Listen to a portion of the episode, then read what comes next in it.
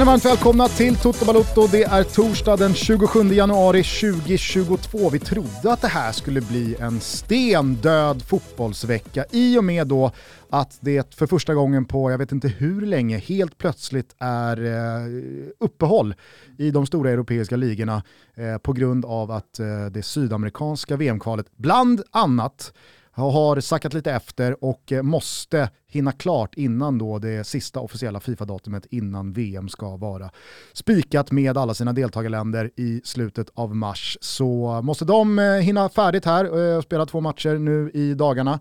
Och då väljer de europeiska ligorna att pausa sina verksamheter. Parallellt med det här så är ju Afcon inne i sina åttondelsfinaler.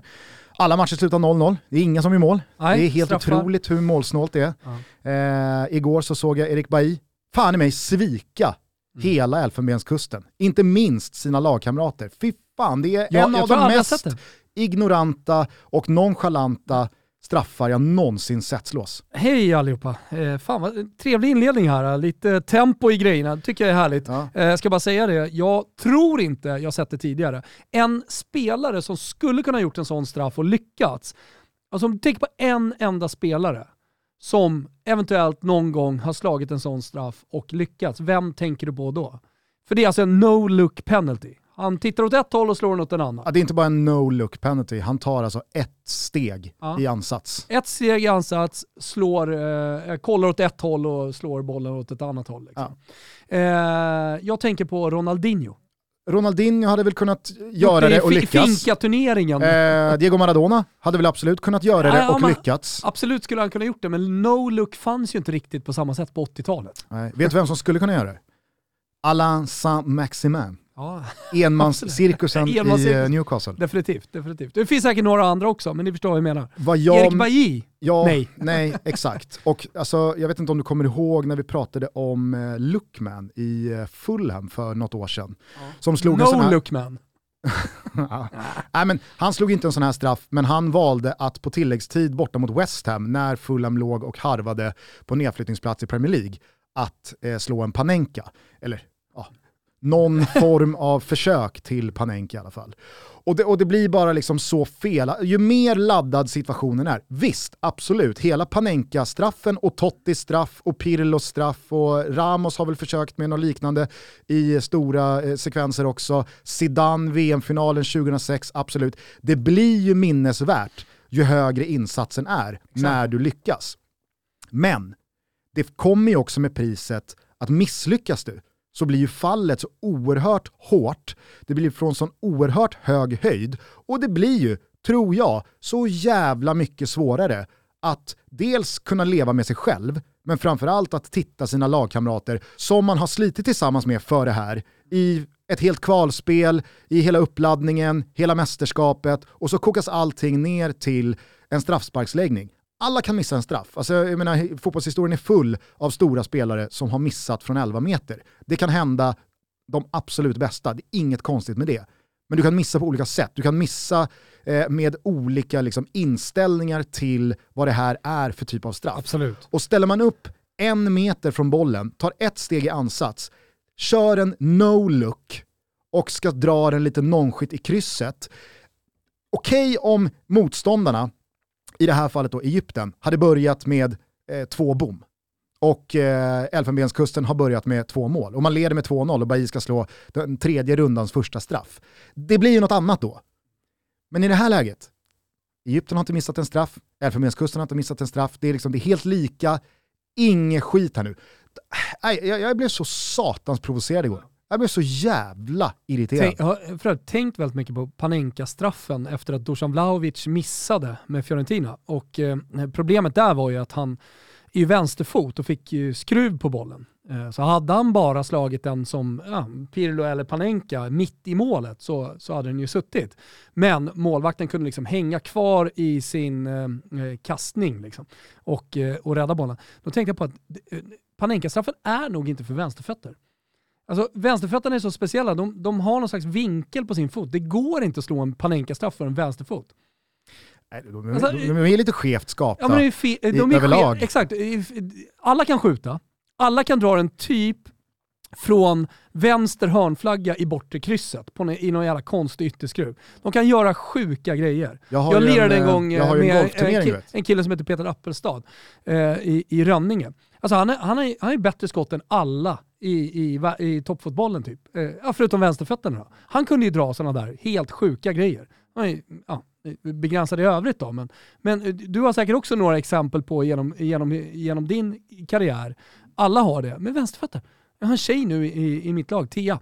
Ja, men hon kan göra vad hon vill med vänsterfoten. Hon skulle hängas ut med namn. Men hon kan inte slå en rak panenka. Nej, var det, var nej, det konklusionen? Den skulle, ja, den skulle ju tyvärr, liksom, antingen om hon nu försöker vinkla upp foten, om Vlahovic hade försökt att liksom göra eh, Panenkan rak så hade han ju missat den på något annat sätt. Typ över eller mm. någonting hade hänt. Det är något. Ja, ja verkligen. Eh, det jag skulle säga var, eh, jag har ju eh, en eh, golfturnering, en golftävling mm. Eh, med mitt eh, tajta golfkompisgäng som jag har hållit i... Kolotoren. ja, Kolotoren. Mm. Det är en anspelning på Kolotore då. Mm. Det är kul. men där har vi ju i stadgarna vi har ju styrelseordförande Rickard Folker. Mm. Han håller ju stadgarna. Folker. och där klubbades det tidigt inga vänsterspelare får vara med. så att det är tyvärr. Alltså, så här, Vad har du för namn på vänsterspelare som har blivit ratade då? Som har liksom varit nära? Nej men vi, alltså, de har ju aldrig varit nära. För att man har stängt, Nej, men, har, har något man har stängt dörren direkt. Häng ut någon då. uh, Kviborg.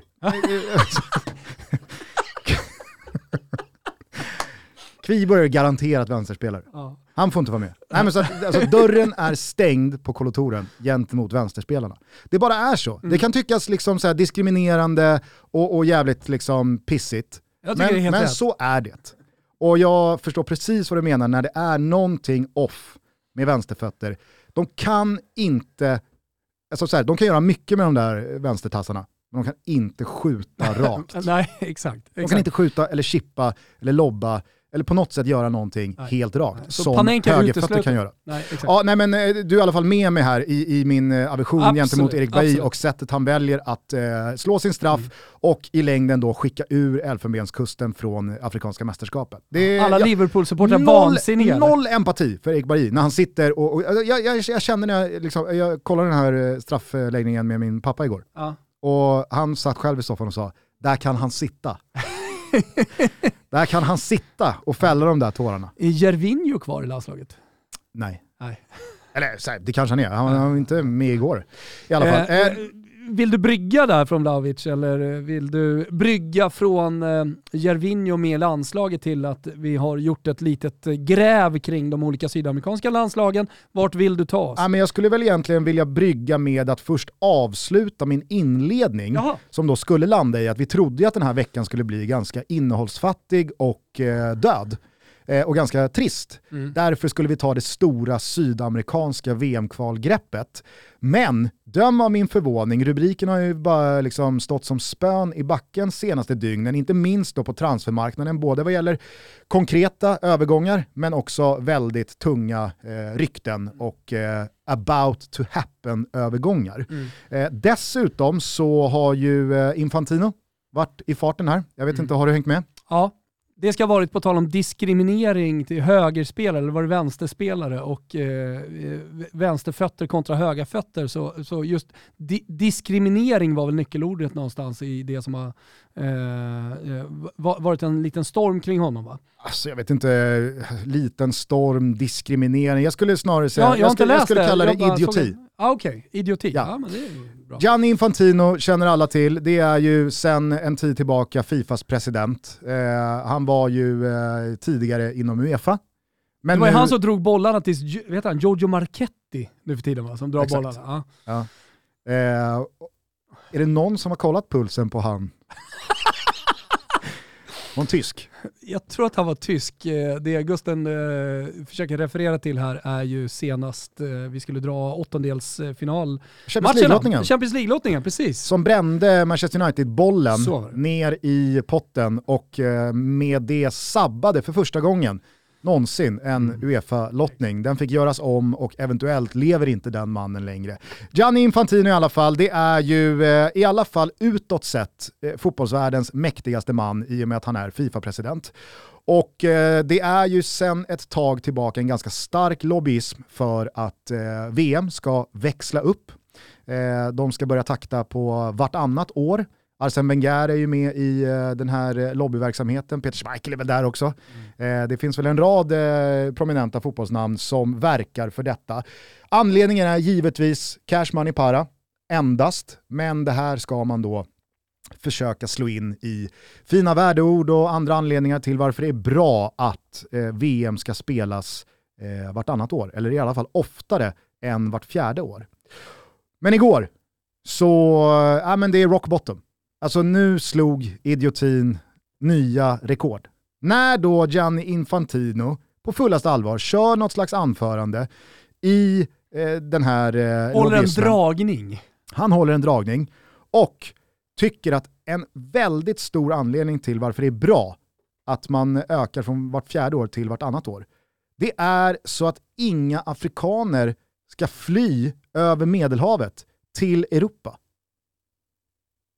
Kan du på något sätt, liksom så här, eh, bara av den rubriken, jag tänker, jag liksom tänker här, spontant att kan, det kan finns bara liksom andra... Liksom alltså försöka koppla, vad, vad fan är det han menar här jag, jag, Det första jag tänker på så här, eh, med båtflyktingarna som kommer till Lampedusa, Sicilien och så vidare, alltså det, det problemet grundar väl sig någonstans i att det finns diktaturer, svält och, och jävla lev, levnadsförhållanden i Afrika och man, man söker på något sätt eh, ett annat liv. Det, det, det är det jag tänker på. Jag tänker inte så jävla mycket på fotboll. Och att fotbollen på något sätt eh, eh, ja, men, är störda, för det låter som att man är lite störd över detta faktum. Och att han tar på sig eh, någon konstigt sittande, såklart för stor kostym. Och att, eh, nej, men att det du inledde med, det är någon slags idioti på gång här. Vi kan väl lyssna på vad han faktiskt sa. Mm -hmm. I understand. In Europe, the World Cup takes place twice per week because the best players are playing in Europe. So in Europe there is no need for additional possibilities and events. But if we think about the rest of the world, and also if we think about Europe, the vast majority of Europe, who doesn't see the best players, who doesn't participate in the top competitions, then we have to think about what football brings, which goes beyond the sport. Because football is about what I was saying at the very beginning about opportunities, about hope, about national teams, about the country, about the heart, about the joy, about the emotion. And we cannot say to the rest of the world, Give us your money. If you have or happen to have a good player by coincidence, give us the player as well. But watch us on TV. We need to include them. We need to find ways to include the entire world, to give hope to Africans so that they don't need to cross the Mediterranean in, in order to find maybe a better life, but more probably death in the sea. We need to give opportunities and we need to give dignity, not by giving charity, but by allowing the rest of the world as well to participate. Infantino försöker alltså sälja på oss att eh, VM vartannat år hade eh, gjort att båtarna hade stått parkerade i de afrikanska hamnarna och inte korsat Medelhavet i flykt. För att Infantino, han försöker tuta i oss att väldigt många av afrikaner som lämnar Afrika bakom sig med kurs mot Europa gör det för att där finns de bästa fotbollsspelarna. Där känner man inte ett behov av att VM ska spelas vartannat år. Infantino försöker alltså säga till oss att om VM hade spelats vartannat år, och då pratar vi alltså så här, ja, det hade väl då spelats i Uruguay och Kanada. Jag älskar att du och... väljer just Uruguay eftersom du inte kan ja, men, eh, det, det, det, hade säkert spelats i Australien ja. och Italien hade haft ett VM och England och sen absolut. Kanske Norden. Ja men eh, något hade gått i Egypten och ja. visst, men det är fortfarande en fotbollsturnering som hade gått av stapeln fyra veckor vartannat år, mer än vad som sker idag. Och det tror Infantino hade betytt att då hade så många afrikaner valt att stanna i Afrika. För att då hade världsspelarna varit där, då hade pengarna funnits där, då hade man inte behövt korsa eh, Medelhavet i jakt på ett bättre liv, drömmar, hopp. Eh, äh, äh, det, det är så jävla Men dumt. säger han också i en passage att vi ska inte hjälpa med charity, utan är, vi ska hjälpa med att spela VM vartannat år? Någon annanstans. Någon annanstans. Ett VM i Australien.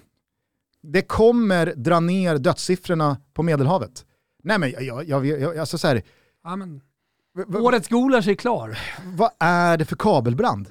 Nej, Vad är det för kabelbrand? Nej, och det, jag, det, det, det, jag, jag hör ju hur han tar sats. Jag tycker att det är så ovärdigt att ens närma sig det här. Att på något sätt beblanda de tragiska jävla anledningarna som ligger bakom att folk på riktigt tar plats i någon jävla gummijolle mm. för att korsa medelhavet och liksom ta sig till säkerhet, ta sig till någonting som är liksom inte förenat med döden eller med vad det nu är man lämnar bakom sig. Att på något sätt försöka liksom beblanda det med, med VM vartannat med, med, med resonemang mm. om fotbolls-VM vartannat år och att de bästa spelarna i världen spelar varannan vecka ja, i Europa. Rörigt. Det är grisigt. Det är så jävla är mm. pissigt. Ja, nej men eh, det, jag vet inte vad jag ska säga. Det, det är, det, det är svårsmält. Ja, verkligen. Eh, på tal om svårsmält, Dusan Vlahovic verkar av allt att döma vara mer eller mindre klar mm. för Juventus. Det pratas väl om en läkarundersökning på lördag va? Ja, exakt. Eh, idag är det torsdag, men vad jag har eh, fått till mig så handlar det någonstans om 75 miljoner euro upfront, typ, ja. här och nu. Eh, Vlahovic eh, kritar på ett avtal som ger honom 7 miljoner netto eh, euro per år. Eh, det är alltså vad Zlatan tjänar i Milan, vad Dybala ligger och taktar på. Eh, i, eh, i Juventus eh, här och nu. Men framförallt så är det ju en pusselbit som är otroligt stor vad gäller framtiden för Juventus här. Mm. Berätta, vad, vad är det som händer? Jag kan backa bandet till i somras eh, när Dusan Vlahovic första gången fick frågan när han skulle signa nytt efter en eh, fantastisk säsong. För man får ju komma ihåg, eller man måste komma ihåg att hans fjolårssäsong var hans, eh, är hans enda riktiga säsong. Eh, när han har varit eh, Fiorentinas bomber, där man, har kunnat, där man har kunnat lita på att det kommer mål från en anfallare. Så han hade förra säsongen och eh, fick då frågan, Fiorentina började röra på sig eh, redan i maj, att liksom, här måste vi signa och eh, man la då upp eh, ett kontraktsförslag som var det största som någonsin har getts till en Fiorentina-spelare, så det var historiskt. Kanske runt 5 miljoner euro, 4-5 kanske. Jag tror man hade kunnat pusha det upp kanske till 6 stanna kvar, framförallt signa så att vi kan få ut så mycket pengar som möjligt eh, för dig eh, vad det lider här framöver också. Tror jag det fanns en tanke, det finns väl alltid. Man vill ha sina bästa spelare och det kan vi komma till sen är lite det som händer med, eh, med Haaland också i Dortmund just nu. En situation som liknar väldigt mycket den med, med Vlahovic, även om man inte har pratat lika mycket om den. Varför vet jag inte. Eh, Ristic, hans agent då, eh, han har ju då vägrat prata med Fiorentina sedan förra sommaren. Eh, så Fiorentina har sagt kontakt, eh, det har inte funnits någon kommunikation och då har Fiorentinas eh, vulkaniska president Rocco Commisso blivit vansinnig. Så i olika intervjuer så har han och eh, vd Joe Barone då varit ute och, och liksom svingat och, och, visat sin stora frustration i att här, vi, vi får ingen kontakt. Det går inte att tröttna på namnet Joe Barone. Nej det går faktiskt inte. Du kan placera honom i alla möjliga olika filmer med det namnet. Ser också lite så ut. Härlig, härlig gubbe.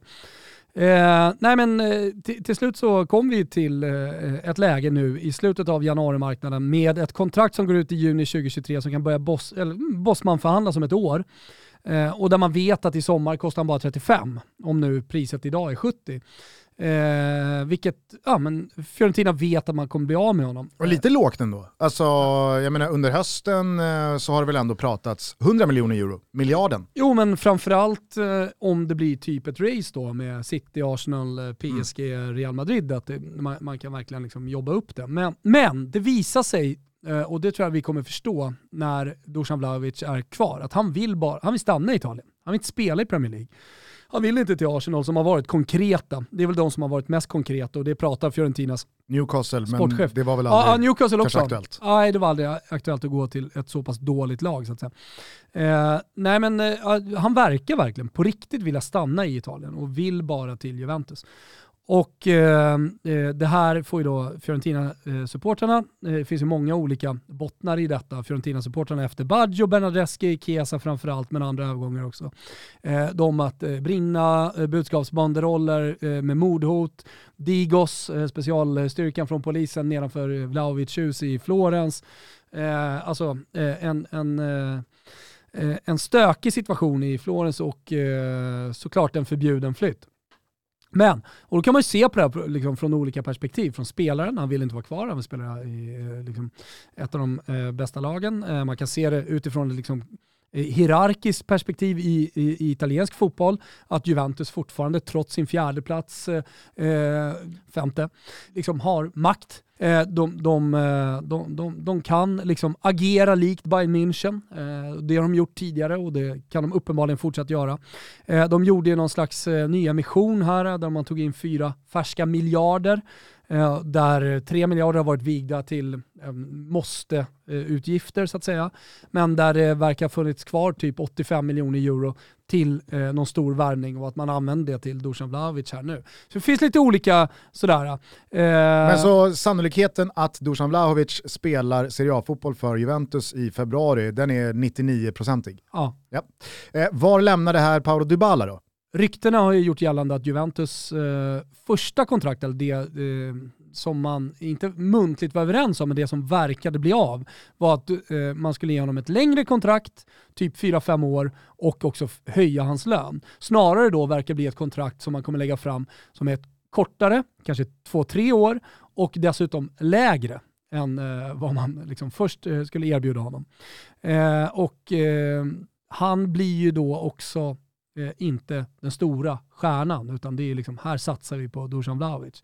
Det kommer såklart eh, bli jobbigt för honom. Jag tror inte man kommer acceptera det. Och med Beppe Marotta runt hörnet i Inter, ja, då kommer det såklart hända grejer. Som fortsätter ha show. Fortsätter ha show. Plockade. Robin Gåsens då eh, på ett lån från och med nu, mm. eh, säsongen ut, men med köpoption från Atalanta. 22-23 miljoner euro, mm. någonstans där. Eh, tyska landslagsvänsterbacken, eh, vänsteryttern, eh, wingen. Med eh, väldigt många erbjudanden från stora klubbar, bland annat Premier League. Så ja. att, eh, vi ska komma ihåg de som inte följer Gåsen, så att det, det, är en riktigt bra spelare. Gåsen svarade väl bara på frågan varför Inter? Inter är Inter. Mm. En flört. Så är det ju. Och, och, det kanske Vlahovic också kan göra. Juventus men, men, är eh, Juventus. Vad, alltså så här, jag, jag, jag hör ju vad du säger kring det konkreta och vad som gäller med Dybala. Jag såg igår kväll att Liverpool dök upp på någon slags radar här också, att de hör sig för vad som händer. Förståeligt. Men ökar Vlahovic ankomst Dybalas chanser att stanna i Juventus eller driver de honom närmre dörren? Eh, I och med att kontraktet som läggs på bordet är det enda som betyder någonting. Så om det är kortare, om det är eh, mindre rikt eh, än vad Dybala vill ha så driver det honom mot dörren. Mm. Jag tänker, att, jag tänker att liksom, det är ju samtidigt en spelare som höjer Juventus slagkraftighet ganska så ordentligt. Två vänsterfötter där på topp, Dybala tillsammans Ingen kan skjuta rakt. Ingen kan skjuta rakt. Det är bara skruvade skott. Men, äh, men alltså, äh, som neutral fotbollssupporter att se Dybala och Vlahovic tillsammans, om man tänker i en framtid också med Federico Chiesa tillbaka från korsbandsskadan.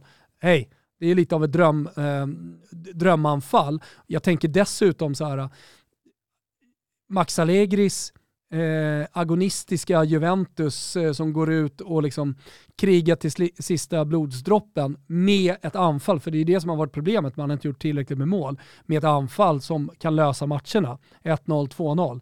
Ja, de blir slagkraftiga. Så det var ju som sagt en, en pusselbit, dels för Juventus som har saknats, eh, de anfallare man har i, anfallsspelarna som man har i truppen har inte varit tillräckligt bra. Men det är ju också en pusselbit om man kollar på hela Calcion, hela Serie A, som förändrar väldigt mycket. Eh, alltså väldigt mycket i den här maktbalansen, sportsligt, tycker jag förändras när Vlahovic kommer. För han är målgaranti. Du twittrade ju lite om eh, då en domino-rokad här. Mm. Eh, Vlahovic in betyder väl Morata ut? Ja, högst troligt Barcelona om de kan liksom få till det. Och eh, blir det någon eh, dominoeffekt på det?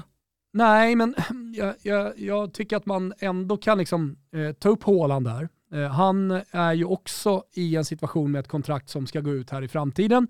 Eh, Dortmund vill, för, vill förlänga och som jag förstått det så kickar en eh, utköpsklausul eh, igång i sommar på 75 miljoner euro det vill säga samma pris som Blahovic.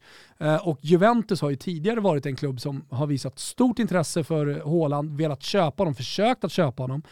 Som jag har förstått det legat i någon, inte pole position kanske, men topp tre-klubb som faktiskt kan värva det. Det har, det har funnits en möjlighet. Eh, så jag menar, här har man ju valt helt enkelt att gå på Vlahovic-spåret. Juventus borta, ja, då, då, då börjar ju liksom så här, de här klubbarna som, eh, som kan köpa eh, Håland, de börjar ju bli ganska få nu. Så man börjar kunna lägga det pusslet ännu mer. Men Vlahovic har ju fått en jävla massa skit och hans agent har fått en jävla massa skit. Nu pratar ju Håland, han har gjort intervju med norska Viaplay. Eh, först då eh, efter matchen intervju där han första gången pratade om kontraktsförlängningen. Eh, och en, en sit-down också där han pratar om den, som kom ut här i, i dagarna. Men situationen är ju samma där. Han vill spela fotboll säger jag ju bara. Det kan ju Dusan Vlahovic också säga. Och han använder faktiskt lite av samma retorik. Att säga, jag vill bara spela fotboll. Och eh, det som filtrerades igenom italiensk media var ju att Dusan Vlahovic ville ta Fiorentina till Europa och sen lämna.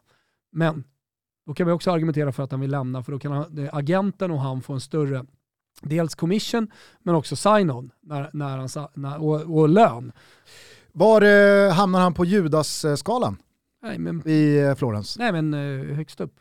Högst upp? Ja. Han, ja, alltså, med, med Chiesa höll jag på att säga. Så här, Vla, eh, finns Baggio, ett par att tävla med. Ja men så Baggio såldes ju mot sin vilja. Han ville ju inte säljas. Han sa ju nej själv. Så här, så här, har vi, här har vi agenter och spelare som driver emot att gå till Juventus. De har handelsvaror på ett eh, annat sätt på helt, den tiden. Helt annat sätt. Eh, så, och Baggio med liksom vägran att slå straffen på, i, under första matchen när han kommer tillbaka till Florens, eh, Fiorentina-halsduk runt halsen. Han ville inte gå.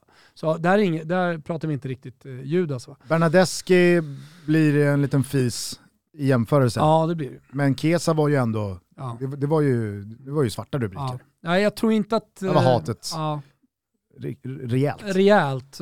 Men det här är alltså ytterligare ett snäpp upp. Ja. Du och jag sitter ju nu och fingrar på flyget ner. Eh, på riktigt här, 22 maj. Fiorentina-Juventus. Tror eventuellt att jag kommer leda en fotbollssänd Europastudio då. Ja, tror vi ska diskutera det med dina chefer. Uh, jag och Kim Wirsén ska Men det blir ju en laddad match, det kan man ju säga. För att, uh, det kommer alltså, betyda här, saker. Den kommer betyda saker, både för Fiorentina, kanske framförallt för Juventus, men mm. kanske ännu mer för Dusan Vlahovic. Ja. Uh, så att, ja, Fiorentina, Juventus på Artemio Franki i omgång 38, 22 maj. Fiorentina slåss kanske om Europa och de slåss om någon slags Champions League. Exakt. Eh, men eh, kort bara, eh, om Morata skulle landa i eh, Barcelona så är väl det förmodligen en eh, väg att gå för Alexander Isak som försvinner. Alexander Isak eh, har ju ryktats eh, starkare och starkare här mot Arsenal senaste tiden. Nu var väl Real Sociedad väldigt tydliga med att eh, Alexander Isak ska absolut ingenstans här nu i januari. Jag tror inte att det kommer ske heller, utan jag tror nog att Isak är klokt i att eh, spela ut den här säsongen i Real Sociedad. Eh, men jag eh, kan ju absolut tänka mig att det där kontraktet som Isak förlängde eh, i fjol, det är ju deras sätt att liksom få ut så mycket pengar som möjligt för Alexander Isak för att han då ska ha mycket tid kvar på kontraktet och mm. således bli dyrare. Mm. Real Sociedad är nog ganska inställda på att det här är sista eh, halvåret vi har med Isak. Sen så kommer vi behöva casha in på honom. Eller sen vill vi nog casha in på honom och Isak vill nog flytta på sig. Det finns ju utköpsklausul som eh, förändras lite i pris och sånt där på honom också. Jag tillskansade mig eh, alla italienska eh, tidningars eh, olika liksom, eh, pusseluppställningar här med Vlahovic i Juventus. Inte jättemånga som inkluderade en Kulusevski. Va, va, vad tror vi om eh, svenskens eh, sista dagar här på transferfönstret? Ja, men, det Var lämnar Vlahovic ankomst honom? Ja men precis. Det har öppnats en möjlighet möjlighet här eh, från Juventus sida att faktiskt släppa Kulusevski. Och jag läste mig till att eh, Everton ska ha lagt något bud och velat låna honom eh, och att kanske klubbarna, båda två, alltså Juventus också är liksom positiva till, till en sån utlåning. Och om, man tolkar dem, om jag nu har tolkat de eh, signalerna rätt så betyder det att eh, det, det blir heta dagar här nu för Kulusevski. Snackades Milan också? Ja, stackars Milan bland annat. Eh, och det, det finns, ju, finns ju många klubbar där jag tror att han skulle eh, liksom, dels få mycket speltid, dels kunna göra stor skillnad. Så eh, till höger i ett Milan till exempel istället för en eh, Sälemäkers, eh, det, det, ja, där, där, går man ett eh, hack upp i nivå. Kan ju vara klokt eh, om nu Everton fortfarande är på banan. Kulusevski är väl nog förmodligen ganska svalt inställd till det. Ja, men det, Eh, att, det, att, det är invänta, att invänta en tränare. Ja, absolut. Men det, det, Rörigt där borta det sägs ju att han ska ha liksom bara ha sagt eh, nej, nej, nej, jag går inte till Everton. Och jag tror absolut att han eh, skulle vilja stanna i, eh, i Italien. Äh, men vi är ju sponsrade av våra vänner på K-Rauta. Och jag har börjat kika lite. Det är liksom nytt för mig med eh, hus och litet fritidshus och sådär. Att varje år så ska jag ha ett projekt.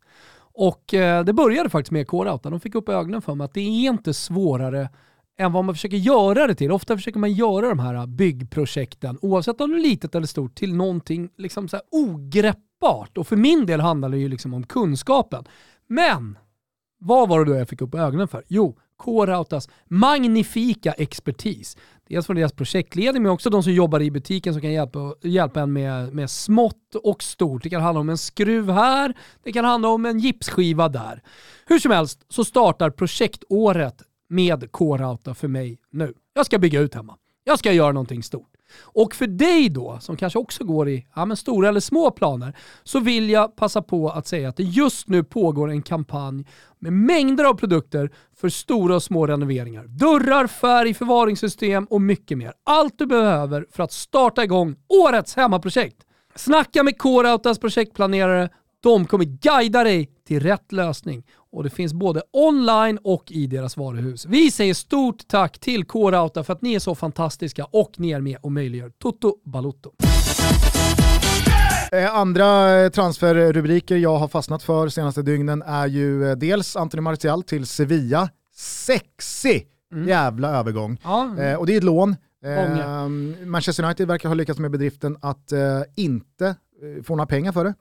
Eh, utan Monchi har känns som de trollat. skiter i det också. Monchi har ju trollat fram att eh, man tar in Martial och eh, bara pröjsar hans lön. Eh, jag tycker att eh, det, det här kan ju bli match made in heaven. Alltså kan Lopetegi bara visa lite förtroende för Martial, vilket man utgår från att han kommer göra när man väljer att ta in honom under sådana här eh, uppmärksammade former i januari, så är det för att han ska spela. Eh, och Martial tror jag är väldigt oförlöst med de senaste ett och ett halvt åren i ryggen. Eh, sen så såg jag igår att eh, Niklas Syle, mittbacken i Bayern München, han har valt att tacka nej till Bayern Münchens förslag på en kontraktsförlängning. Han sit- Stämmer verkligen att jag såg det? Ja, det stämmer. Det stämmer.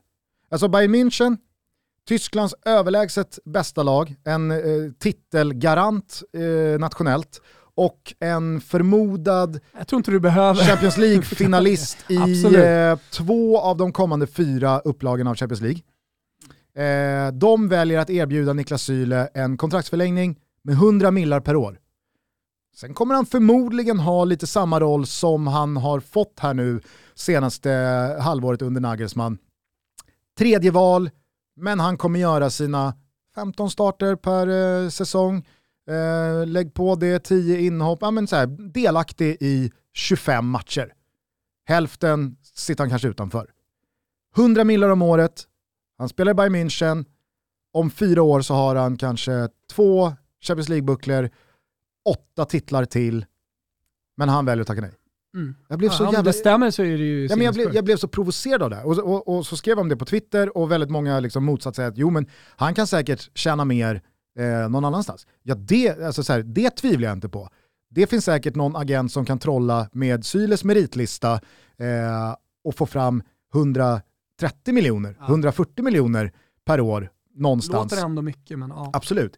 Men det jag blir så liksom konfys av är ju hur man som fotbollsspelare kan få ett erbjudande av en av världens tre bästa klubbar som alla prognoser talar för kommer vara en av världens tre bästa klubbar kommande fem år och som fortsätter tävla om de absolut största titlarna.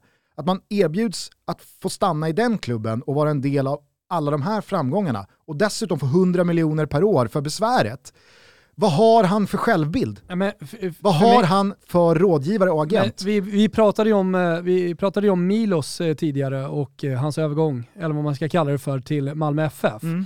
Eh, och att det då borde, det kan vi nästan slå fast, ha funnits en kontakt i slutet på november eller någon gång under hösten eh, från Malmö FF eh, där man sa liksom om du är kontraktslös, då finns det ett jobb här nere i Skåne. Alltså jag tänker så här att för Syles del så kanske det ligger två, tre bättre kontrakt redan på bordet. Mm. Där han vet att så här, Nej, men det, här, det, här vill jag hellre göra. Det här lirar mer med vad, vad, vad jag ser liksom, min framtida karriär Ja, någonstans. men det finns en distinktion med, mellan att det här vill jag hellre göra och det här vill jag hellre tjäna. För som sagt, finns det ett kontraktsförslag någon annanstans ifrån och. som liksom, ja, det här är 140 miljoner. Och det vill jag Real hellre Madrid, tjäna. eller det, är så här, ja, det vill jag hellre göra. Ja. Och jag menar, så här, finns det, då är det ju rimligt. Absolut, men det som inte finns, det är 45 matcher från start i ett lag på Bayern Münchens nivå. Det finns inte för Niklas Syle, men det, det vet du väl inte ja, finns? Nej, så är det väl. Tror du att Niklas Syle kan gå in i PSG, Real Madrid, Manchester City, Liverpool, United. in... United skulle han ju kunna gå in i, för att han, han är ju en bättre... Där kanske du har svaret då. Du har lagt pusslet. Klart. Jo, absolut. Men Manchester United kanske spelar Conference League Ja. eh, och Europa League och Champions League en gång Mm. kommande fyra säsonger. Då var det någon som spelade in likheten med David Alaba. Jo, men han var också i Bayern München, fick också en kontraktsförlängning och ett förslag på det, Exakt, det men valde att tänker. spela ut det kontraktet för att, men, men det är ju en spelare som är på nivån att han kan gå till Real Madrid, gå rakt in som Ditt hörnpelare. problem här är ju Syles nivå. Mitt problem är att Syle och hans rådgivare och agent verkar tro att det finns en plats för mig Ah, okej. för Och det 150 tror inte miljoner eh, om året att vara en stöttepelare i Chelsea, i City, Testa, i testa PSG sina vingar. eller Real En Madrid. annan kultur, en annan liga. Helt sjukt alltså. Det är, Men det, du, eh, det upprörd. har ju varit lite av en bombervalts. Alltså, det, det här har ju flygit under radarn eh, skulle jag vilja säga. Att Julia, Julian Alvarez från River Plate gått till City. Jag kommer till honom. Ja, I det stora sydamerikanska VM-kvalgreppet som ja vi snart ska Ja, ge oss i kast med. absolut. Eh, Jag säger bara att det, det är en värvning, det är en spelare som har eh, ryktats till en massa olika klubbar, till och med Fiorentina faktiskt, i någon slags ersättare till Dusan Vlahovic. Men här förstår man ju då att Fiorentina aldrig ens var nära. Eh, Men det är en sexig spelare i alla fall, argentinare som säkert kan göra det jättebra under Pep Guardiola. Säkert också eh, tagen väldigt mycket med, med kikarsiktet. Det sätter ju dessutom Hålands framtid kanske i någon slags, eh, ja men en till klubb som kanske försvinner. Jo, fast det är väl sagt eh, kring den här värvningen att det här är inte en värvning som görs eh, för att täppa till liksom, spjutspetsvärvningen. Det är, ingen, det är ingen värvning som står i vägen för Absolut. en miljard nia. Nej, absolut. Utan men det, det, det, handlar väl om eh, 25 miljoner euro. Ja. Eh, eller Men 22 ändå, miljoner men pund, ändå. 25 miljoner pund, vad fan det är. sexig spelare, ung spelare, gjort Absolut. det jättebra, gör mål i varje match. Spelare med nummer 9 i River Plate Ja, äh, har man ju en ruskig soft spot för. så är det ju. Och på tal om soft spot då, för att avsluta bombervalsen, vi kan säkert dansa vidare hela dagen, men eh, Diego Costa till Salernitana eh, och spela ihop med Ribéry verkar vara off på grund av Nej. att han inte klarar de fysiska testerna. Nej. Nej, tyvärr. Så är det de senaste uppgifterna jag har fått i alla fall. Nu lever väl eh, alla övergångar lever väl till deadline eh, och det är ju 23 PM eh, i Europa, förutom i Italien som kör någon nytt slags eh, 19.00 eh, liksom grepp på deadline day. Kan det vara en förhandlingstaktik från de nya ägarna i Salernitana? Alltså om det handlar om fysik så är det ju fysik liksom. Det är, jag vet inte. Nej, jag tänker bara att liksom så här, "Uff, nej, du gick inte igenom. Ja. Men går du ner, Men Diego du- Costa vill han verkligen ner en dra till? Salernitana? Alltså han, det, det är väl mer så vem ger mig pengar går vad fan som helst. Det är väl det, det handlar om. kanske. Ja, vi får väl se om Ja. han eh, Nej, landar det verkar tyvärr gå till helvete. Alexander Isak där. het sista dagarna, värt att eh, liksom ändå påminna om. Ja, och sen så är det ju en fortsatt soppa då med eh, Ousmane Dembélé. Eh, Ja. Som först Såg kommunicerades från Barcelona-håll. Han har gjort sin sista match för klubben, han kommer inte eh, vara kvar, han ingår inte i Xavis framtidsplaner. Sen skulle det ha kovänts och eh, Dembélé vill stanna och det ska ha tagits något möte med Xavi och jag vet inte om du har det senaste. Nej, men såg du inte när, när hans agent anlände Barcelona, flygplatsen? Jo. Jag retweetade igår, jätteroligt. Då, Ja, det var från det den här spanska, Mm. vad heter den showen? Tick, Tick. tick tack. tack. Ja, exakt. Det är i alla fall så jag kallar den. Eh, då är ju journalister såklart eh, på flygplatsen. Eh, de bevakar ju och ställer frågor till alla som, som landar. Och så filmar man agenten när han går ut från flygplatsen och lyckas få med då telefonen som precis ringer när han går ut från flygplatsen. Och man ser väldigt tydligt att det står Leonardo inom parentes PSG. Det är roligt. Jajamän. Så nu... Jag har aldrig sagt så i hela mitt liv. Är det troligt? Är det jag vet inte vad som hände. Nej, är det troligt? Nej. Eh, skitroligt. Mm. Och Ja, det här verkligen. tas det upp. Eh, att Leonardo ringer och eh, då eh, går ju då såklart spekula- spekulationerna till att eh, man försöker hitta en lösning med PSG. Ja.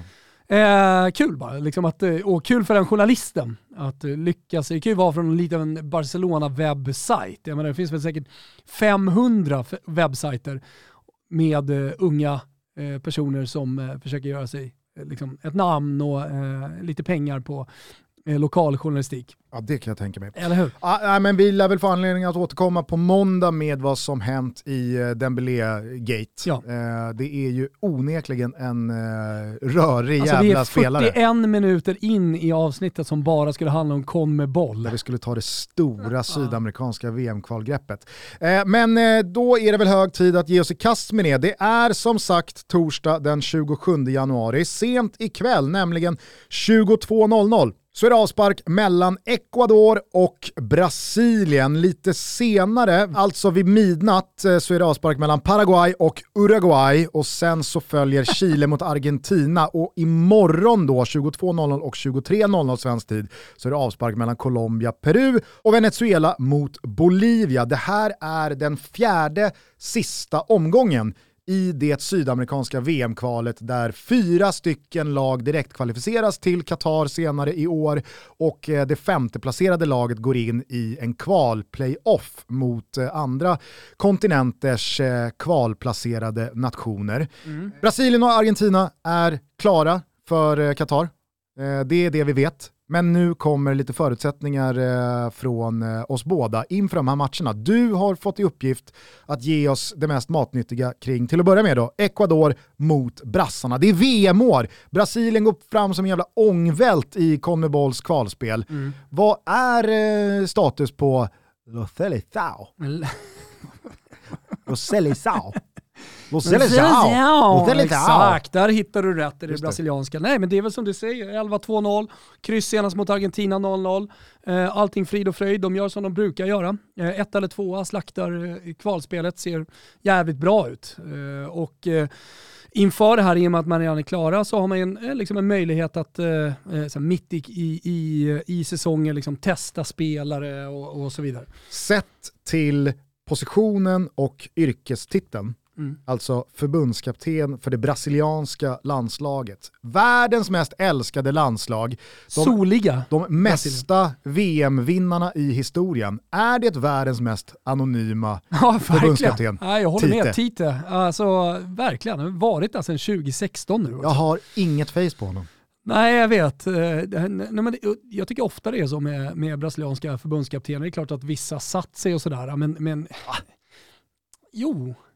Jo men vadå? Alltså, Alltså, du tänker, eller så här, du tänker inte Scolari, ja, absolut. Dunga. Jag vet, men du tänker inte speciellt mycket förbundskaptener. Dunga, ändå så här, ja men det är väl Dunga, men det är spelarna man tänker på, det är det soliga. Vad heter han? Så det, eh, det, gamla kän- gamla, det finns inget landslag där man känner vithåriga. att det spelar ingen roll vem som är förbundskapten. Grabbarna ska bara ut och göra sin brassegrej. Förstår du vad jag menar? vad Du pratar, lyssna, du pratar ju aldrig taktik när det gäller det brasilianska landslaget. De ska bara ut och göra sin brassegrej. Vad hette han vithåriga gubben? Ja, ja, Så nej, jävla men, eh, älskvärda. Exakt. Fan hette Ja.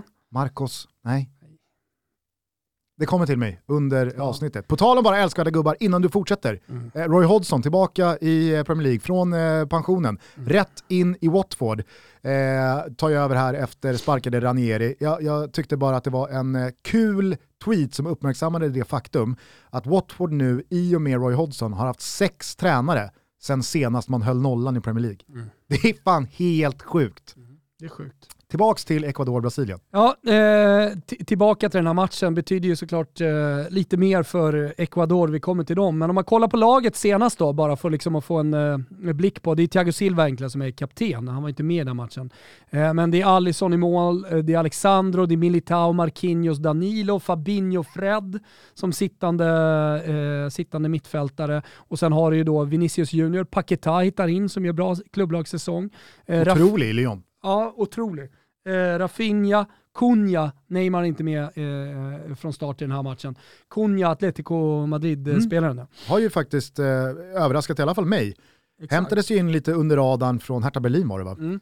Eh, och kändes ju som något, jaha. Mm. Eh, Alltså, Han hämtas in till ett lag som sitter på Luis Suarez, Angel Correa, Antoine Griezmann kommer in i slutet på fönstret, tänker man, jaha, Cunha, vad ska han göra? Vad ska han göra? Han ska Han fan göra mål. starta mot Argentina dessutom. Så att eh, det, det, det, i den här matchen är inte heller lagets bästa målskytt under det sydamerikanska kvalet med. Alltså Neymar har ändå gjort sju baljer och är tvåa i den sydamerikanska skytteligan här, i kvalskytteligan. Mm. Så att eh, ja, men det är ett Brasilien eh, som, som har Gabigol där, Gabriel Barbosa, han är med. Eh, du- Kvar i Santos? Eh, kvar i Santos. Eh, du har eh, dessutom eh, Gabriel Jesus på bänken, hoppar in mot Argentina. Så, det är de här lirarna. Mm. Eh, möter ett Ecuador då som, eh, om man ska prata om så här, vad är grejen i, i, i de här olika länderna, men fan, de är trea i det sydamerikanska kvalet. De står på 23 poäng och möter ett Brasilien som redan är klara. Så att här kan ju verkligen Ecuador göra någonting. Eller Latri som de kallas för, tricolor vet du. Eh, vem är lagkapten i detta Ecuador? finns ju bara en person som kan vara det. Enner Valencia. Du Såklart. och jag fick upp ögonen för honom under VM 2014, blev en favorit. Mm. Och eh, vi ställde oss frågan, ska han ta det stora steget till Europa? Vilket han gjorde. Spelade väl i West Ham och Everton, eh, men gick sådär. Slog aldrig igenom i Europa. Det kan ju hända med de här sydamerikanska spelarna. Men eh, sedan Tigres gjorde det bra i mexikanska ligan, eh, numera i Fenerbahce, där han eh, ja, men, gör mål, men han sprutar inte in mål. Eh, han leder i alla fall det här laget. Eh, annars ska, kan man ju nämna då eh, Pervis Estupinian i Villarreal, vänster. Eh, som eh, inte haft någon supersäsong dock. Adam Pintorp och Marcelo Fernandes hatar inte när han gör bra grejer för de gula ubåtarna Ja, och de kommenterar Villarreals La Liga-matcher på Simor Mm. när de får svänga sig med det före och efternamnet. Ta det en gång till! Pervis Estupinian. Pervis. Jag får döpa min, jag ska inte ha någon son, men du kan du döpa din son till Pervis. Jag tror att det kommer röstas ner. Eh, nej men, eh, och sen så har du eh, den unga duon som man pratar väldigt mycket om i Ecuador. Jeremy Armiento och Moises Caicedo. Moises Caicedo, eh, målskytt mot eh, Chile senast, tung skalp, 2-0. Eh, numera utlånad till Bershot i belgiska ligan, men ägs tillsammans med eh, Armiento av Brighton. Så där har du koll på de två också. Men jag menar, ser man lite till eh, tabellställningen här och förutsättningarna för Ecuador så är det ju lite, det, är nästan lite matchboll. Visst, tuffast tänkbara motstånd. Eh, brassarna är ju förvisso eh, klara och de kommer vinna den här gruppen. De har sex poäng ner till Argentina. Men Ecuador har ju alltså sex poäng ner till femteplacerade Peru.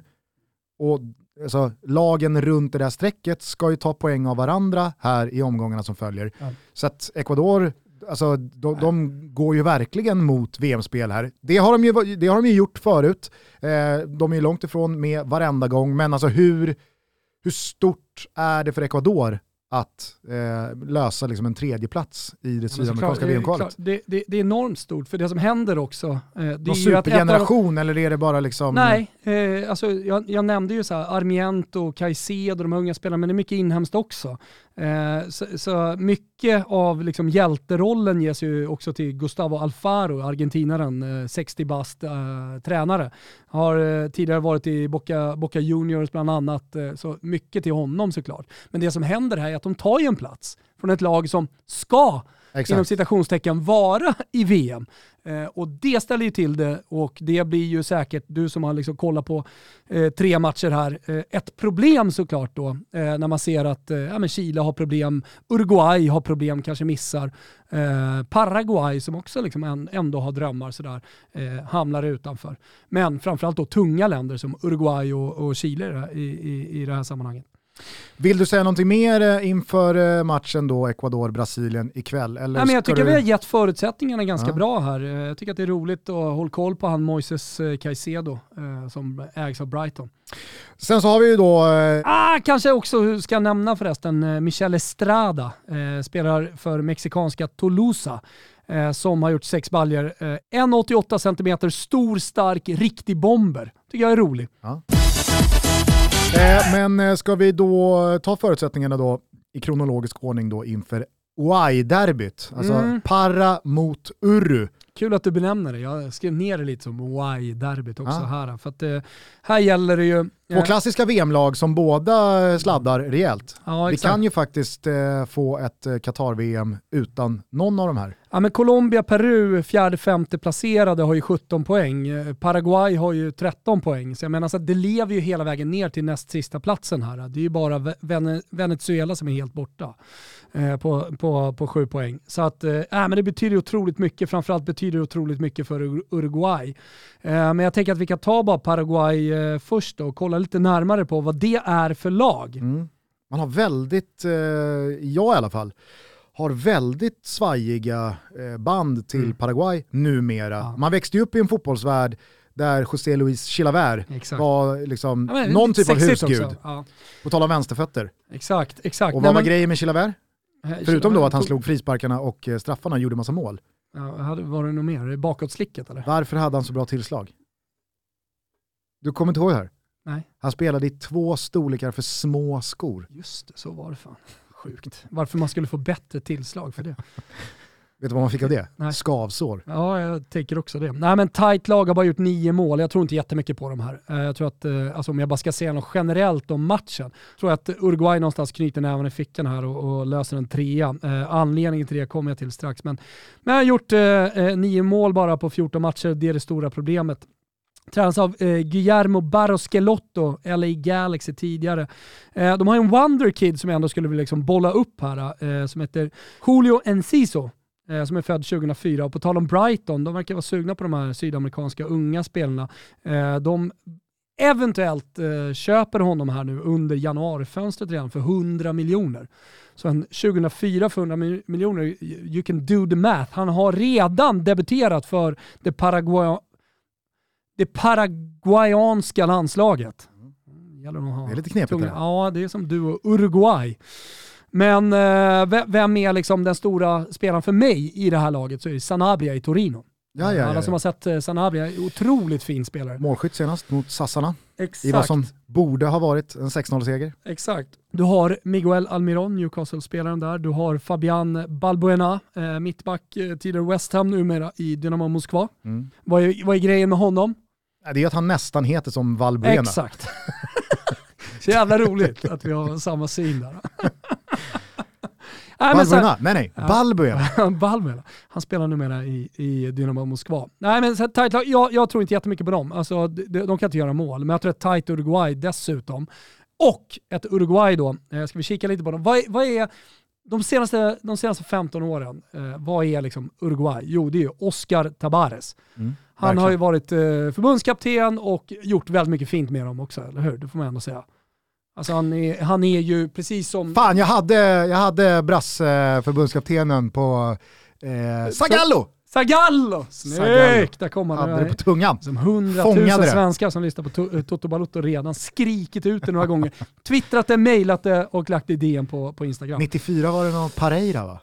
Ja, vi släpper det. Eh, Vi, vi tar oss till. Uruguay. Förlorat alltså fyra senaste matcherna och satt sig i en jävla sits nu med 16 poäng. Allt är fortfarande möjligt, men nu vill det till att de börjar vinna de här sista matcherna. Är det, får jag fråga, Mm. är det samma gäng fortfarande? Och då tänker jag så här, jag tar det bakifrån.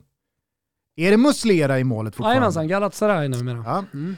Jiménez Godin, Eh, Godin i alla fall, eh, absolut. Men då misstänker jag att Jiménez, alltså när Finns han det? är fit for fight, han har ju varit en hel del skadad den här säsongen i Atletico Madrid. Eh, att Ja, han men då- han, är, han är där med Ja. Godin, absolut. eh, Martin, Martin Cáceres, är, absolut med. inget snack om saken. Nej. Och sen så är det väl då i det uruguayanska landslagssammanhanget, de relativa nykomlingarna Vesino och Bentancourt. Jajamensan. Det är inne mitt fältet. Ja. Eh, Luis Suarez, Edinson Cavani. Jajamän. Det, är- det, är det någon som har fallit ifrån, förutom Diego Forlan? Ja, nej, men han pratar här.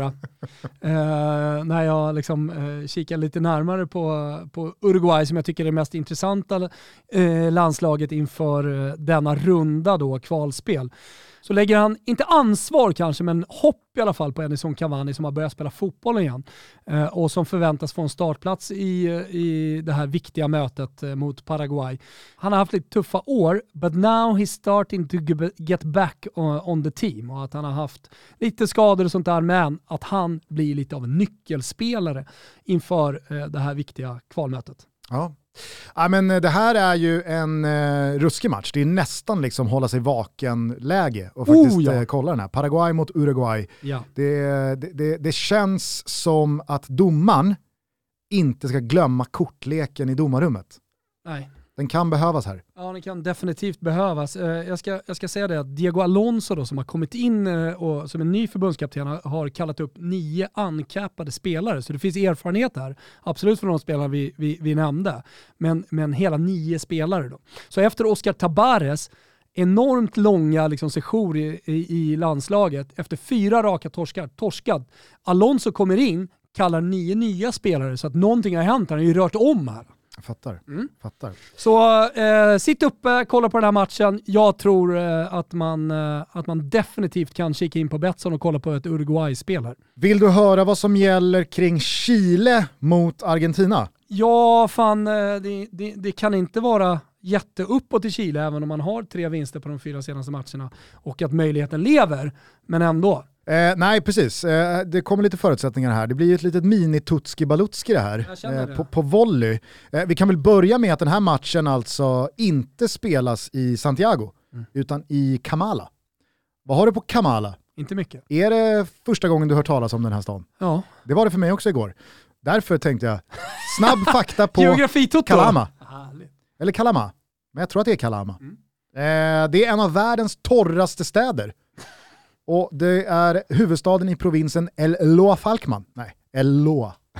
Tyckte det var kul att lägga till Falkman. Ah, Eh, ligger enligt Wikipedia på 2260 meter över här håller de på att göra någonting. Och där bor ungefär 150 000 människor. En av världens torraste städer säger ni. Vad betyder det då eh, rent konkret? Jo, det regnar, all, alltså det har aldrig uppmätts mer än 35 millimeter regn på ett år Det är, det otroligt. Fan vad sexigt. Ja, det är faktiskt helt sjukt. Nu ser jag för övrigt här i mina papper att jag har börjat skriva Kamala. Någonstans along the way så har det blivit Kalama. Nu blir, jag Kamala osäker, eller Kalama? nu blir jag osäker på vad som är rätt. Men jag tror att det är Kamala. Eftersom det skrev jag tydligen först. Det är autokorrekt. Jag, jag jobbar ju mycket i Pages. Ja, jag med. Och eh, där är det helt hopplöst eh, med eh, autostavning. Så ibland så eh, blir man rejält eh, lurad av Kama, Pages. Kamala är ju också ett ställe i Thailand. Ja, men här är Kamala i provinsen Kamala El Beach i Loa. Phuket. Eh, Det om det. Chile då? Vet du varför jag vet det? Nej. Min kusin är där just nu Jaha. och fiskar. Båt, båtkusinen. Exakt, Fiskekusinen. exakt. Björne. Ja, ja, Björne. Ja, nej, så när du säger Kamala, då det liksom, va? Kamala Beach? Jag fick ju det i förrgår. Om jag dragit upp någon 28 Okej. kilos fisk. Ja. Men visst är det då Kamala, inte Kalama eller Kalama? Det- Nej, alltså jag, jag har ingen aning. Jo men googla Kamala Chile. Det Ja. kan inte vara så jävla svårt. Nej, men... Nej, det är Kalama. Då är det, det är Kalama. Ja.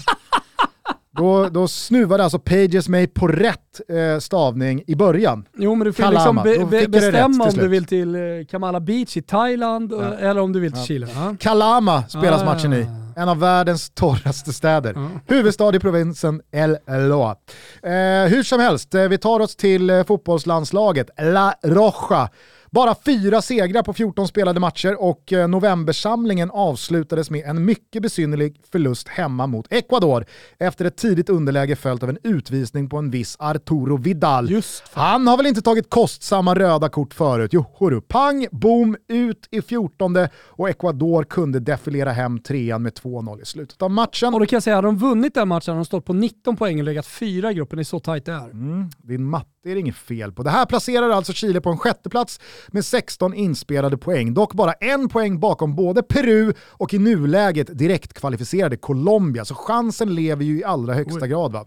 Men man började det här kvalet hädiskt. Bara en seger på de tio första matcherna. Och nu står alltså Argentina för motståndet som är VM-klara och det är väl någonting som borde tala för Chile. Eh, det är den gamla gode tavelmålaren Claudio Bravo som fortfarande står där mellan stolparna. Ja, Gary Medell håller sig fortfarande kvar i den där startelvan, numera som mittback sedan några år tillbaks. Och i Arturo Vidals avstängda frånvaro är ett förmodat mittfält Aranguiz från eh, kusarna, eh, Fios Pulgar Mm. och eh, Claudio Baeza från Deportivo Tolosa, Mm. eller Toluca. Var det inte någon du nämnde här i Ecuador som också Absolut. spelade där? Det borde vara Mexiko va?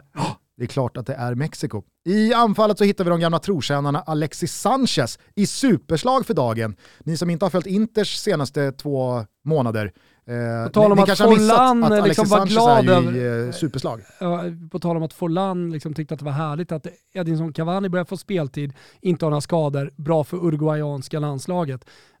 Såklart också bra för honom. Men säg nu inte att det är Edo Vargas där på topp eller? Jo, eh, jämte Alexis Sanchez så finns där Eduardo Vargas som numera spelar sin fotboll i Atletico Mineiro tillsammans med en viss Hulk. Är det värt att påminna om att Hulk alltså skilde sig från sin fru för att gifta sig med sin frus systerdotter. Mm. Så Hulks barn då från det första mästerskap Mästerskapet? Jag ser på, Ja, ser men på det var då de gjordes, Jag, jag ser på äktenskap som mästerskap. Ja, men det kan Alltså, mycket väl vara så att Hulks- de gjordes då. Hulks barn Mm.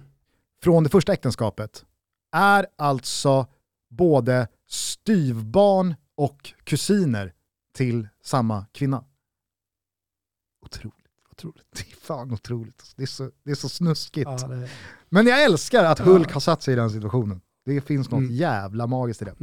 Eh, men det är ju inte bara Vargas och Sanchez som utgör Chiles offensiv. Längst fram hittar vi Blackburn Rovers Ben Brereton.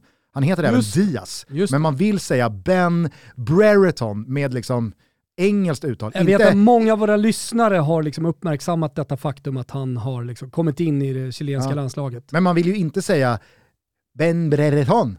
Det är klart man Nej. inte gör heller. Utan det är Ben Brereton. Eh, född 99, han har eh, hittills den här säsongen gjort 20 mål för Blackburn i The Championship. Så att, eh, det här är ju lite av vår gubbe. Toppklass. Mm. Mauricio Isla, som man senare i livet lärde sig borde vara Illa. Mm. Men man, man byter inte uttal Nej. på Isla. Eh, han ångar också på, ni vet den gamla Udinese-ytterbacken, idag i Flamengo Mm. i eh, Brasilien. Eh, man möter utöver Argentina även Brasilien och Uruguay i två av sina tre sista matcher, så det är ju jävligt tufft för chilenarna. Framförallt den här matchen mot Uruguay kommer ju bli helt avgörande. Verkligen.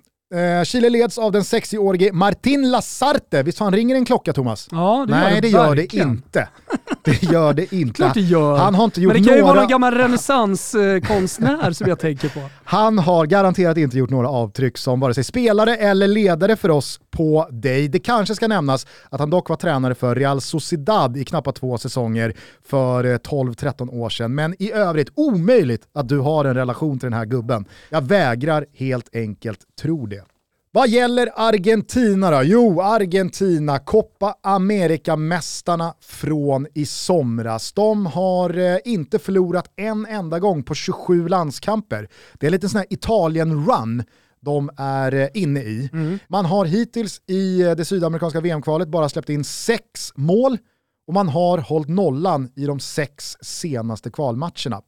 Förbundskaptenen Lionel Scaloni Alltså han har gjort sådana mirakel med det här landslaget att det är numera allmänt vedertaget att man inte längre säger Albi Celeste om det argentinska landslaget. Alltså eh, den italienska övningen med att man kallar laget för de två färgerna Ja, exakt. Som tröjan håller.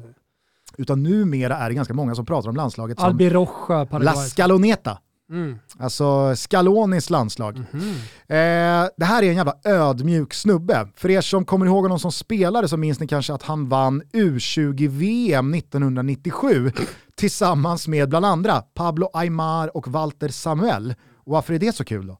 Jo, för att Scaloni har nu vävt in Aymar och Samuel i sin ledarstab. Ja, på tal om italienska övningar, det var ju det Roberto Mancini gjorde med Vialli och De Rossi och alla, alla gamla polare.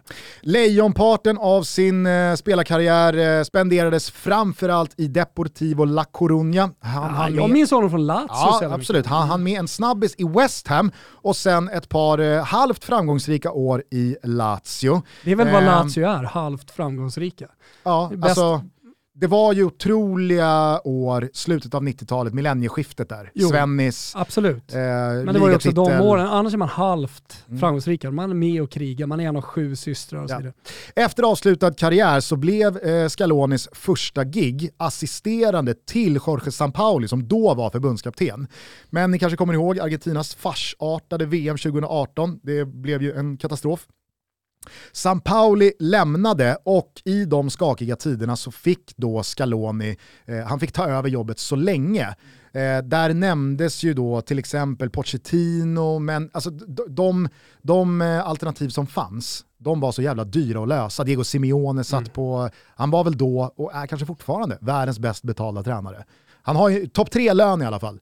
Eh, anywho, eh, Scaloni fick ånga på och eh, efter ett par lyckade resultat så fick han jobbet Lex Garrett Southgate. Det var lite samma vända för Southgate ah, efter eh, Big Sams fadäs där. Scaloni har i alla fall satt en jävla tydlig prägel på detta Argentina som nästan eh, genomgående under fotbollshistorien har varit lite som brassarna kanske lite mer liksom så här hårdnackade och fysiska, men det har varit väldigt mycket, det finns en eller två stora stjärnor och man bygger laget runt dem och det är inte så jävla mycket struktur utan det, det är klass slår organisation. Det har ju eh, ofta varit den argentinska devisen. Men med Scaloni så har det blivit väldigt mycket tydligare, det har blivit rakare och det har framförallt blivit snabbare med ett stabilt försvarsspel som främsta signum. Mittfältet har i mångt och mycket eh, de senaste åren utgjorts av Giovanni Lo Celso, Leandro Paredes och Rodrigo de Paul. Lautaro Martinez har ju blommat upp till en riktig kugge i offensiven. Och sen så har Papu Gomes ni vet eh, Atalanta-kaptenen som lämnade för Sevilla för ett drygt år sedan, han har fått en nyckelroll när det kommer till liksom sammanhållningen och väldigt många tillskriver ju eh, Papu Gomes stora delar av Copa America-triumfen i somras för att han skötte, det här har jag tillskansat mig, barbecuen och musiken som var vilken musik då tror du, när Papu Gomes bestämmer? Italiensk. Klart det var reggaeton. Ja. Nej, det tycker jag fan att jag följer honom. Han är så jävla familjär på sin Instagram med hans fru och barn. Och känns inte som att han är så jävla mycket reggaeton. Okej. Okay. Eh, det, det jag i alla fall har läst på om eh, sommarens Copa America-framgångar, eh, det var är... att det var Papagomes grillfester och reggaeton Absolut. Eh, göd ur högtalarna För mig så är Papagomes, som följer han på sociala medier, en argentinsk variant på Domenico Crescito. Det är så han pysslar liksom, med hjärtan till frugan och så. Okay. Eh, I mål så har ju eh, Emilio Martinez eh, från Aston Villa, tidigare Arsenal, han har ju totalt spikat igen butiken. Ja. Och så, så har ju Christian Romero, mm. eh, tidigare Atalanta också, Just numera det. Spurs, eh, blivit klippan i mittförsvaret som man kan luta sig mot. Lionel Messi, han har spelat sin bästa landslagsfotboll sedan VM 2014. Eh, och det här är ju väldigt många som då menar på att det är Scalonis väldigt tydliga organisation att han har fått Messi att köpa in sig på det kollektiva som är en stor framgångsfaktor till att eh, Messi också då har kunnat glänsa. Där finns yngre förmågor som Brightons Alexis McAllister, också ett eh, jävligt brittisk klingande namn. Eh, Citys senaste köp då, från River Plate, Julian Alvarez, som eh, väntas starta här mot Chile. Eh, och Lanús, Pedro de la Vega, toppnamn. Fem oh, plus namn. Verkligen. Som av det lilla, lilla, lilla jag sett, han spelade ju OS här för ja. Argentina. Eh, och så har jag kikat in med, jag kikade in mig på en sån här YouTube compilation Men alltså var igår. han med senast mot Brasilien? Nej, nej, nej han har inte A-landslagsdebuterat än. Nej. Han står redo att liksom så slå sig in på det där mittfältet. Ah, ah, det, det lilla jag har sett av då Pedro de la Vega från Lanús ser, alltså han ser fruktansvärt bra ut. Blond Fruktansvärt bra ut. Ja, jag ser en blond kalufs här också. Uff. Oh! Fan vad sexigt! Pedro de la Vega Oj. från Lanús. Ja, men det är för bra. Din gubbe också, Emiliano Buendia, mm. väntas ju eh, A-landslagsdebutera eh, ikväll, mm. Eh, eller i natt mot eh, Chile också. Eh, det är ju ingen Lionel Messi med i truppen, han är hemma i Paris, han har ju nyligen eh, kommit tillbaka här från eh, covid. Mm. Eh, Sergio Agüero, han har ju lagt av, Iguain är long gone i landslaget, men Angel Di Maria ångar på och han tar ju såklart plats där. German Petzella ersätter Romero som är out eh, och han flankeras av Nicolas Otamendi. Jävla nytändning han har fått i Benfica ah, måste man säga. Eh, där finns också Ludvig Augustinssons eh, vad ska man säga, överbefälhavare i Sevilla, Marcos Acuna. Ja. Nico Gonzales har vi hört Thomas hylla mest hela den här säsongen och där finns också råskinnet från Fio, Lucas Martinez Cuarta. Mm. Han, är, alltså, han är helt galen. Helt galen. Han har haft covid, men han kommer med i truppen alltså. Ja. Eh, målvaktsuppsättningen är ju också ruskig. Bakom eh, Martinez så finns ju Juan Musso, Just. som Atalanta plockade från ah, Udinese här i somras. Han som man tror är italienare. Eh, Paolo Dybala då? Jo då, han är med. Mauro Icardi, icke. Eh, I anfallsuppsättningen så finns även Angel Correa som har gjort Mm. ett otroligt kalenderår för Atletico Madrid måste man säga. Och så Lucas Ocampos, på tal om råskinn. Men, men Eh, finns, Sevillas stora, tunga ytterforward som eh, kan göra lite vad han vill på en riktigt bra dag. Det här är ju också, vad jag förstår, han har väl slutat både en och två gånger i landslaget, men det här är Messis sista landslagsår. Och eh, alla har liksom köpt in sig på Okej. att det ska krönas med det där VM-guldet. Både han Oj. och ja, den här generationen spelare Mm. saknar. Jag kä- jag känner redan nu att jag håller på Arg- Argentina. Ja, men du har ju bombat Tyskland. Ja, jag vet, men det är ju spel, det är hjärna, det är ingen hjärta i det. Jag, jag har ju liksom förstått att tyskarna kommer vinna, men, men jag, jag kommer sitta jävligt känslomässigt investerad, eh, alltså stort, stor investering känslomässigt på Argentina. Ja, men Alltså. jag köper det. Jag köper det. Det här är också ett möte, alltså Chile-Argentina, som har slutat 2-2-2 Mm. senaste sex gångerna man möts. Så det är långt ifrån några promenadsegrar som eh, eh, eh, La Scaloneta eh, har eh, tagit i Kamala, Kalama, Kalama, Kalama. Kalama, eller då Santiago, eller vad fan nu de här matcherna har spelats. Hörni, vi säger varmt välkomna ner i Totobåten till de fantastiska personerna bakom Glimra Biltvätt. Så här års, och det vet ju alla som är bilburna, så är det ett helvete med alla smutsiga bilar. Jag som skjutsar, hämtar, lämnar hela tiden tycker att det är jobbigt. Men har nu för ett par månader sedan fått upp ögonen för just Glimra biltvätt.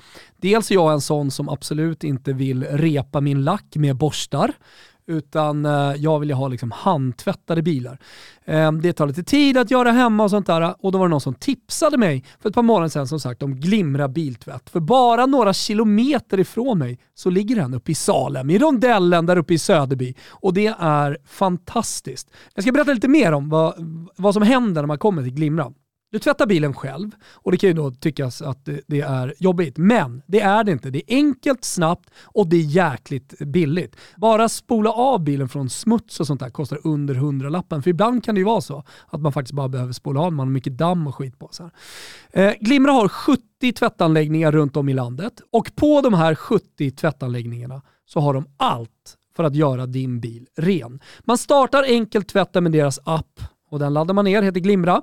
Och sen så anger man rabattkoden TOTO och då får man 100 kronor i gratis saldo att tvätta bilen för. 50 kronor när man reggar sig i appen och 50 kronor när man sen löser in rabattkoden. När man sen börjar så går det väldigt pedagogiskt enkelt stegvis beroende på hur liksom, skitig bilen är, hur mycket man vill tvätta den. Så testa Glimra biltvätt. Ladda ner appen, den är gratis. Ni får 100 kronor som sagt i gratissaldo med koden TOTO och börja göra detta redan idag. Vi säger stort tack till Glimra för att ni är med i Toto Balutto. Colombia-Peru, vilken match! Båda lagen på 17 poäng. Colombia Wow. just nu på VM-plats på bättre målskillnad. Colombia slog inte bara Peru i sommarens Copa America utan även med förkrossande 3-0 borta i Lima i VM-kvalet i juni. Så även fast man poängmässigt är helt jämna så här långt i kvalet så har Colombia onekligen spänt musklerna mot Peru senaste åren. De rödvita har faktiskt bara en seger mot Colombia sedan 2011 och vad gäller då Colombia så har man bara tre segrar på 14 kvalmatcher hittills. Hur kan Colombia med detta facit ligga på VM-plats? Jo, man har också bara tre torsk. Man kryssar ju så in i helvete. Mm, åtta kryss har man. Reinaldo Rueda heter förbundskaptenen, tidigare chilensk förbundskapten och han har inte fått fart på målproduktionen. Hans manskap har inte gjort mål sedan i september och den nytillträdde förbundskaptenen kan få det rejält hett om öronen ifall det blir torsk här i eh, natt. Va? David Ospina, Juan Cuadrado, Davinson Sanchez, James Rodriguez, Radamel Falcao, vilken jävla nytändning han har fått i Rayo Vallecano och Portos succégubbe Luis Diaz är några av spelarna som ska göra det för de gulrödblåa. Vet du vad jag jobbade? Nej. Falcao till Fio. Tänkte han är lila. Mm. Fortsätt. Eh, Dufan Zapata är out, skadad. Eh, Christian Zapata, ni vet kusinen, eller brorsan, eller, Eller var de bara polare? Han har hängt upp landslagsdojorna i Aj. björken och är inte med längre. Eh, jag har sent om sidor fått upp ögonen för Vilmar Barrios, hårdnackad mittfältare från Zenit, som mycket väl kan komma att starta här. Han imponerade på mig i alla fall under höstens Champions League-spel. Var faktiskt riktigt bra mot eh, Malmö i de matcherna. Bra namn också, Vilmar Barrios. Peru då, två raka segrar i november. Har du Juan Manuel Vargas kvar? Nej, Där har du en aura. Att tjocka på sig lite efter karriären, det var ju hela hans grej när han spelade. Mm. Ja, men, eh, Peru fel. eh, slog Venezuela och Bolivia i november, vilket har gjort eh, att man eh, faktiskt eh, med full rätt när drömmen om spel i Qatar. Eh, är Ricardo Gareca fortfarande förbundskapten? Det är väl klart att han är. Ja, Och vad kallas Ricardo Gareca? Ni som var med i Tutski Balutski för snart fyra år sedan? kommer ni ihåg? Flacco. Lacko. Flacco. Alltså typ the slim. Ja, Max Allegri kallades väl också Jajamän. Flacco? Eh, han kallas eh, också. El Tigre, men Flacco är ju eh, roligare. Han har rattat Peru sedan 2015 och eh, verkar inte ha eh, några planer på att lägga ner. Araujo finns där bak, Mm. men inte den Araujo. Ni vet Barca Araujo, ni vet Backes favoritspelare Araujo, utan Miguel Araujo från FC Emmen i Nederländerna. Med Lapadula med. Renato Tapia, eller Tapia, har aldrig riktigt landat i eh, hur jag ska uttala det där. Celta Vigo-gubben ni vet. Han är med. Sergio Peña från Malmö FF är med och på tal om Malmö FF-kopplingar, Yoshimar Yotun är absolut fortfarande med. Men ingen Paolo Guerrero. Ni vet den stora stjärnan, vår favorit, han som har eh, både kokainavstängningar Just. och eh, en hel del andra rubriker på sitt samvete, är inte med. 38-åringen har nämligen varit klubblös sedan han lämnade Internacional Porto Alegre i oktober och har inte spelat en enda minut fotboll sedan dess. Då blir det inget landslagsspel även om Flacco är tydlig med sin support till den peruanska landslagsikonen. Inte heller Jefferson Farfan är uttagen, 37-åringen som sen i fjol är tillbaka i Peru och eh, Alianza Lima har inte heller han lirat boll sedan november och det är således lite skakigt läge på hans matchform. Höga insatser och så vidare, för väldigt mycket avgörs nu så att eh, man får ju ge det till Flacco att han i ett sånt här skarpt läge väljer att eh, inte ha med sina två trotjänare från offensiven. Således är det ju superläge för vår gubbe Gianluca Lappadula att kliva fram. Nio mål på 15 matcher i Benevento i Serie B hittills den här säsongen. Det kanske är han som tar Peru hela vägen till Qatar. Tveksamt. Eh, den sista matchen då är Venezuela mot Bolivia. Alltså Venezuela, tvärsist i gruppen, har ingenting att spela för. Eh, Sam Det Larssons är de gamla... man vill möta nu. Liksom. Sam Larssons gamla lagkompis Salomon Rondon är där, Rincon är där, han har du en eh, stark relation är det. till efter tiden i Fio, men där stannar det. Eh, Bolivia då, otroligt anonymt lag. Att det lever för det här Bolivia, det måste säga mer om övriga landslags dåliga insatser än att Bolivia har gjort det bra, för det Ja, har men- de ju inte gjort. Nej, men lyssna, jag sa ju det tidigare att Uruguay torskade och det blev droppen. Det var ju mot Bolivia, 3-0. Det är helt sanslöst. De fick dessutom rött kort. Bolivia alltså! I den 74 minuten. Och ändå så är det Juan Arce som gör 3-0 i den 79 minuten. Ja. Så du, du förstår ju att eh, Oscar Tabares till slut fick gå. Och på tal om Juan Arce, alltså för att verkligen understryka hur anonymt lag Bolivia sitter inne på, så spelar alltså denna Juan Arce, spjutspetsen, sin fotboll i Club Always Ready. Det är lite, jag tänker på Stuvsta som startade en ungdomsförening som heter Fight Club. Ja, men det, här, det, här låt, eh, exakt, det, här låt, det, det här låter ju som ett lag som man ser i sitt spelschema när man spelar i division 6 här i Ja. Stockholm. Jaha, nu ska vi möta Always Ready. Ja. Det, det är något kompisgäng som har varit lite lustiga Ja. när de har liksom, namngett sitt, sitt gäng. Eh, han spelar i Club Always Ready i alla fall. Och sen så har vi då Marcelo Moreno, om någon kommer ihåg honom. Kanske några. Still going strong i Cruzeiro. Ja. Det är liksom Bolivia. Så att eh, jag säger egentligen Venezuela-Bolivia, snark. ja, Jag, jag, jag tror inte Bolivia kommer lösa det, för att de har för många lag att passera, även fast poängantalet upp till där det verkligen bränns inte är speciellt eh, många. Men jag ser inte Bolivia göra det här. Ja, men ska vi summera det här? Om man ska plocka ut en match så måste det ju vara Y-mötet mellan Paraguay och Uruguay. Mm. Herregud. Chi- Chile, Argentina. Chile och Argentina såklart också. Ja, där, har ni, där har ni matchen att följa. I Bolivia ska du heller inte glömma bort uh, Gusten. Marcelo Martins, vet du om det? Nej, det kanske inte känner till riktigt. Han är Det är, väl, 1,87 det, cm det är väl lång. anledningen till att det lever för Bolivia. Ja, han har, han har gjort nio mål. Han Ja. leder skytteligan i, i det sydamerikanska kvalet. Ja! Det ska såklart Marcelo Martins ha all cred för. Eh, det var det stora eh, sydamerikanska VM-kvalgreppet. Hoppas eh, många har fått lite, lite tändning här inför att följa de här matcherna under dagarna som löper. Eh, vi ska heller inte negligera det faktum att det är kvartsfinalspel i Afrikanska mästerskapen under helgen som väntar. Burkina Faso mot Tunisien. Vi har Senegal mot Ekvatorialguinea som fortsätter gå emot alla strömmar och odds.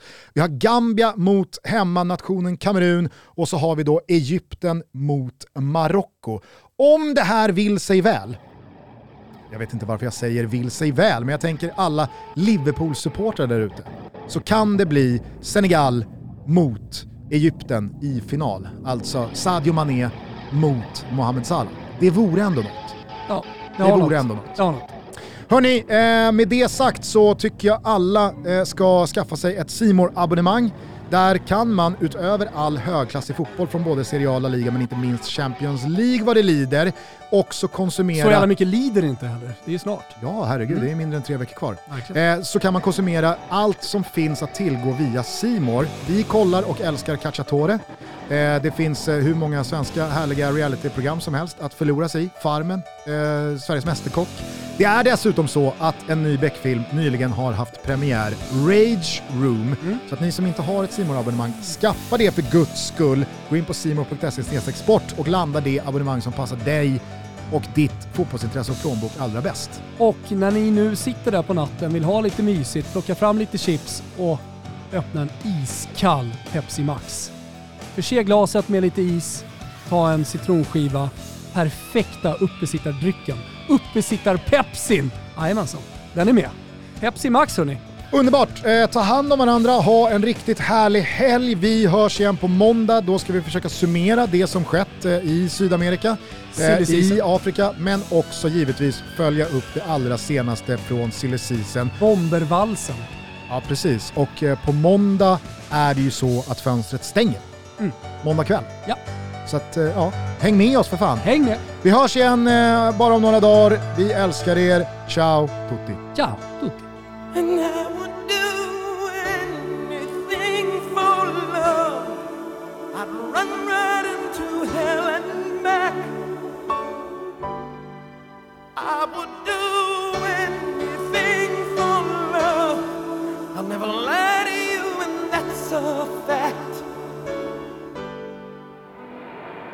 But I'll never forget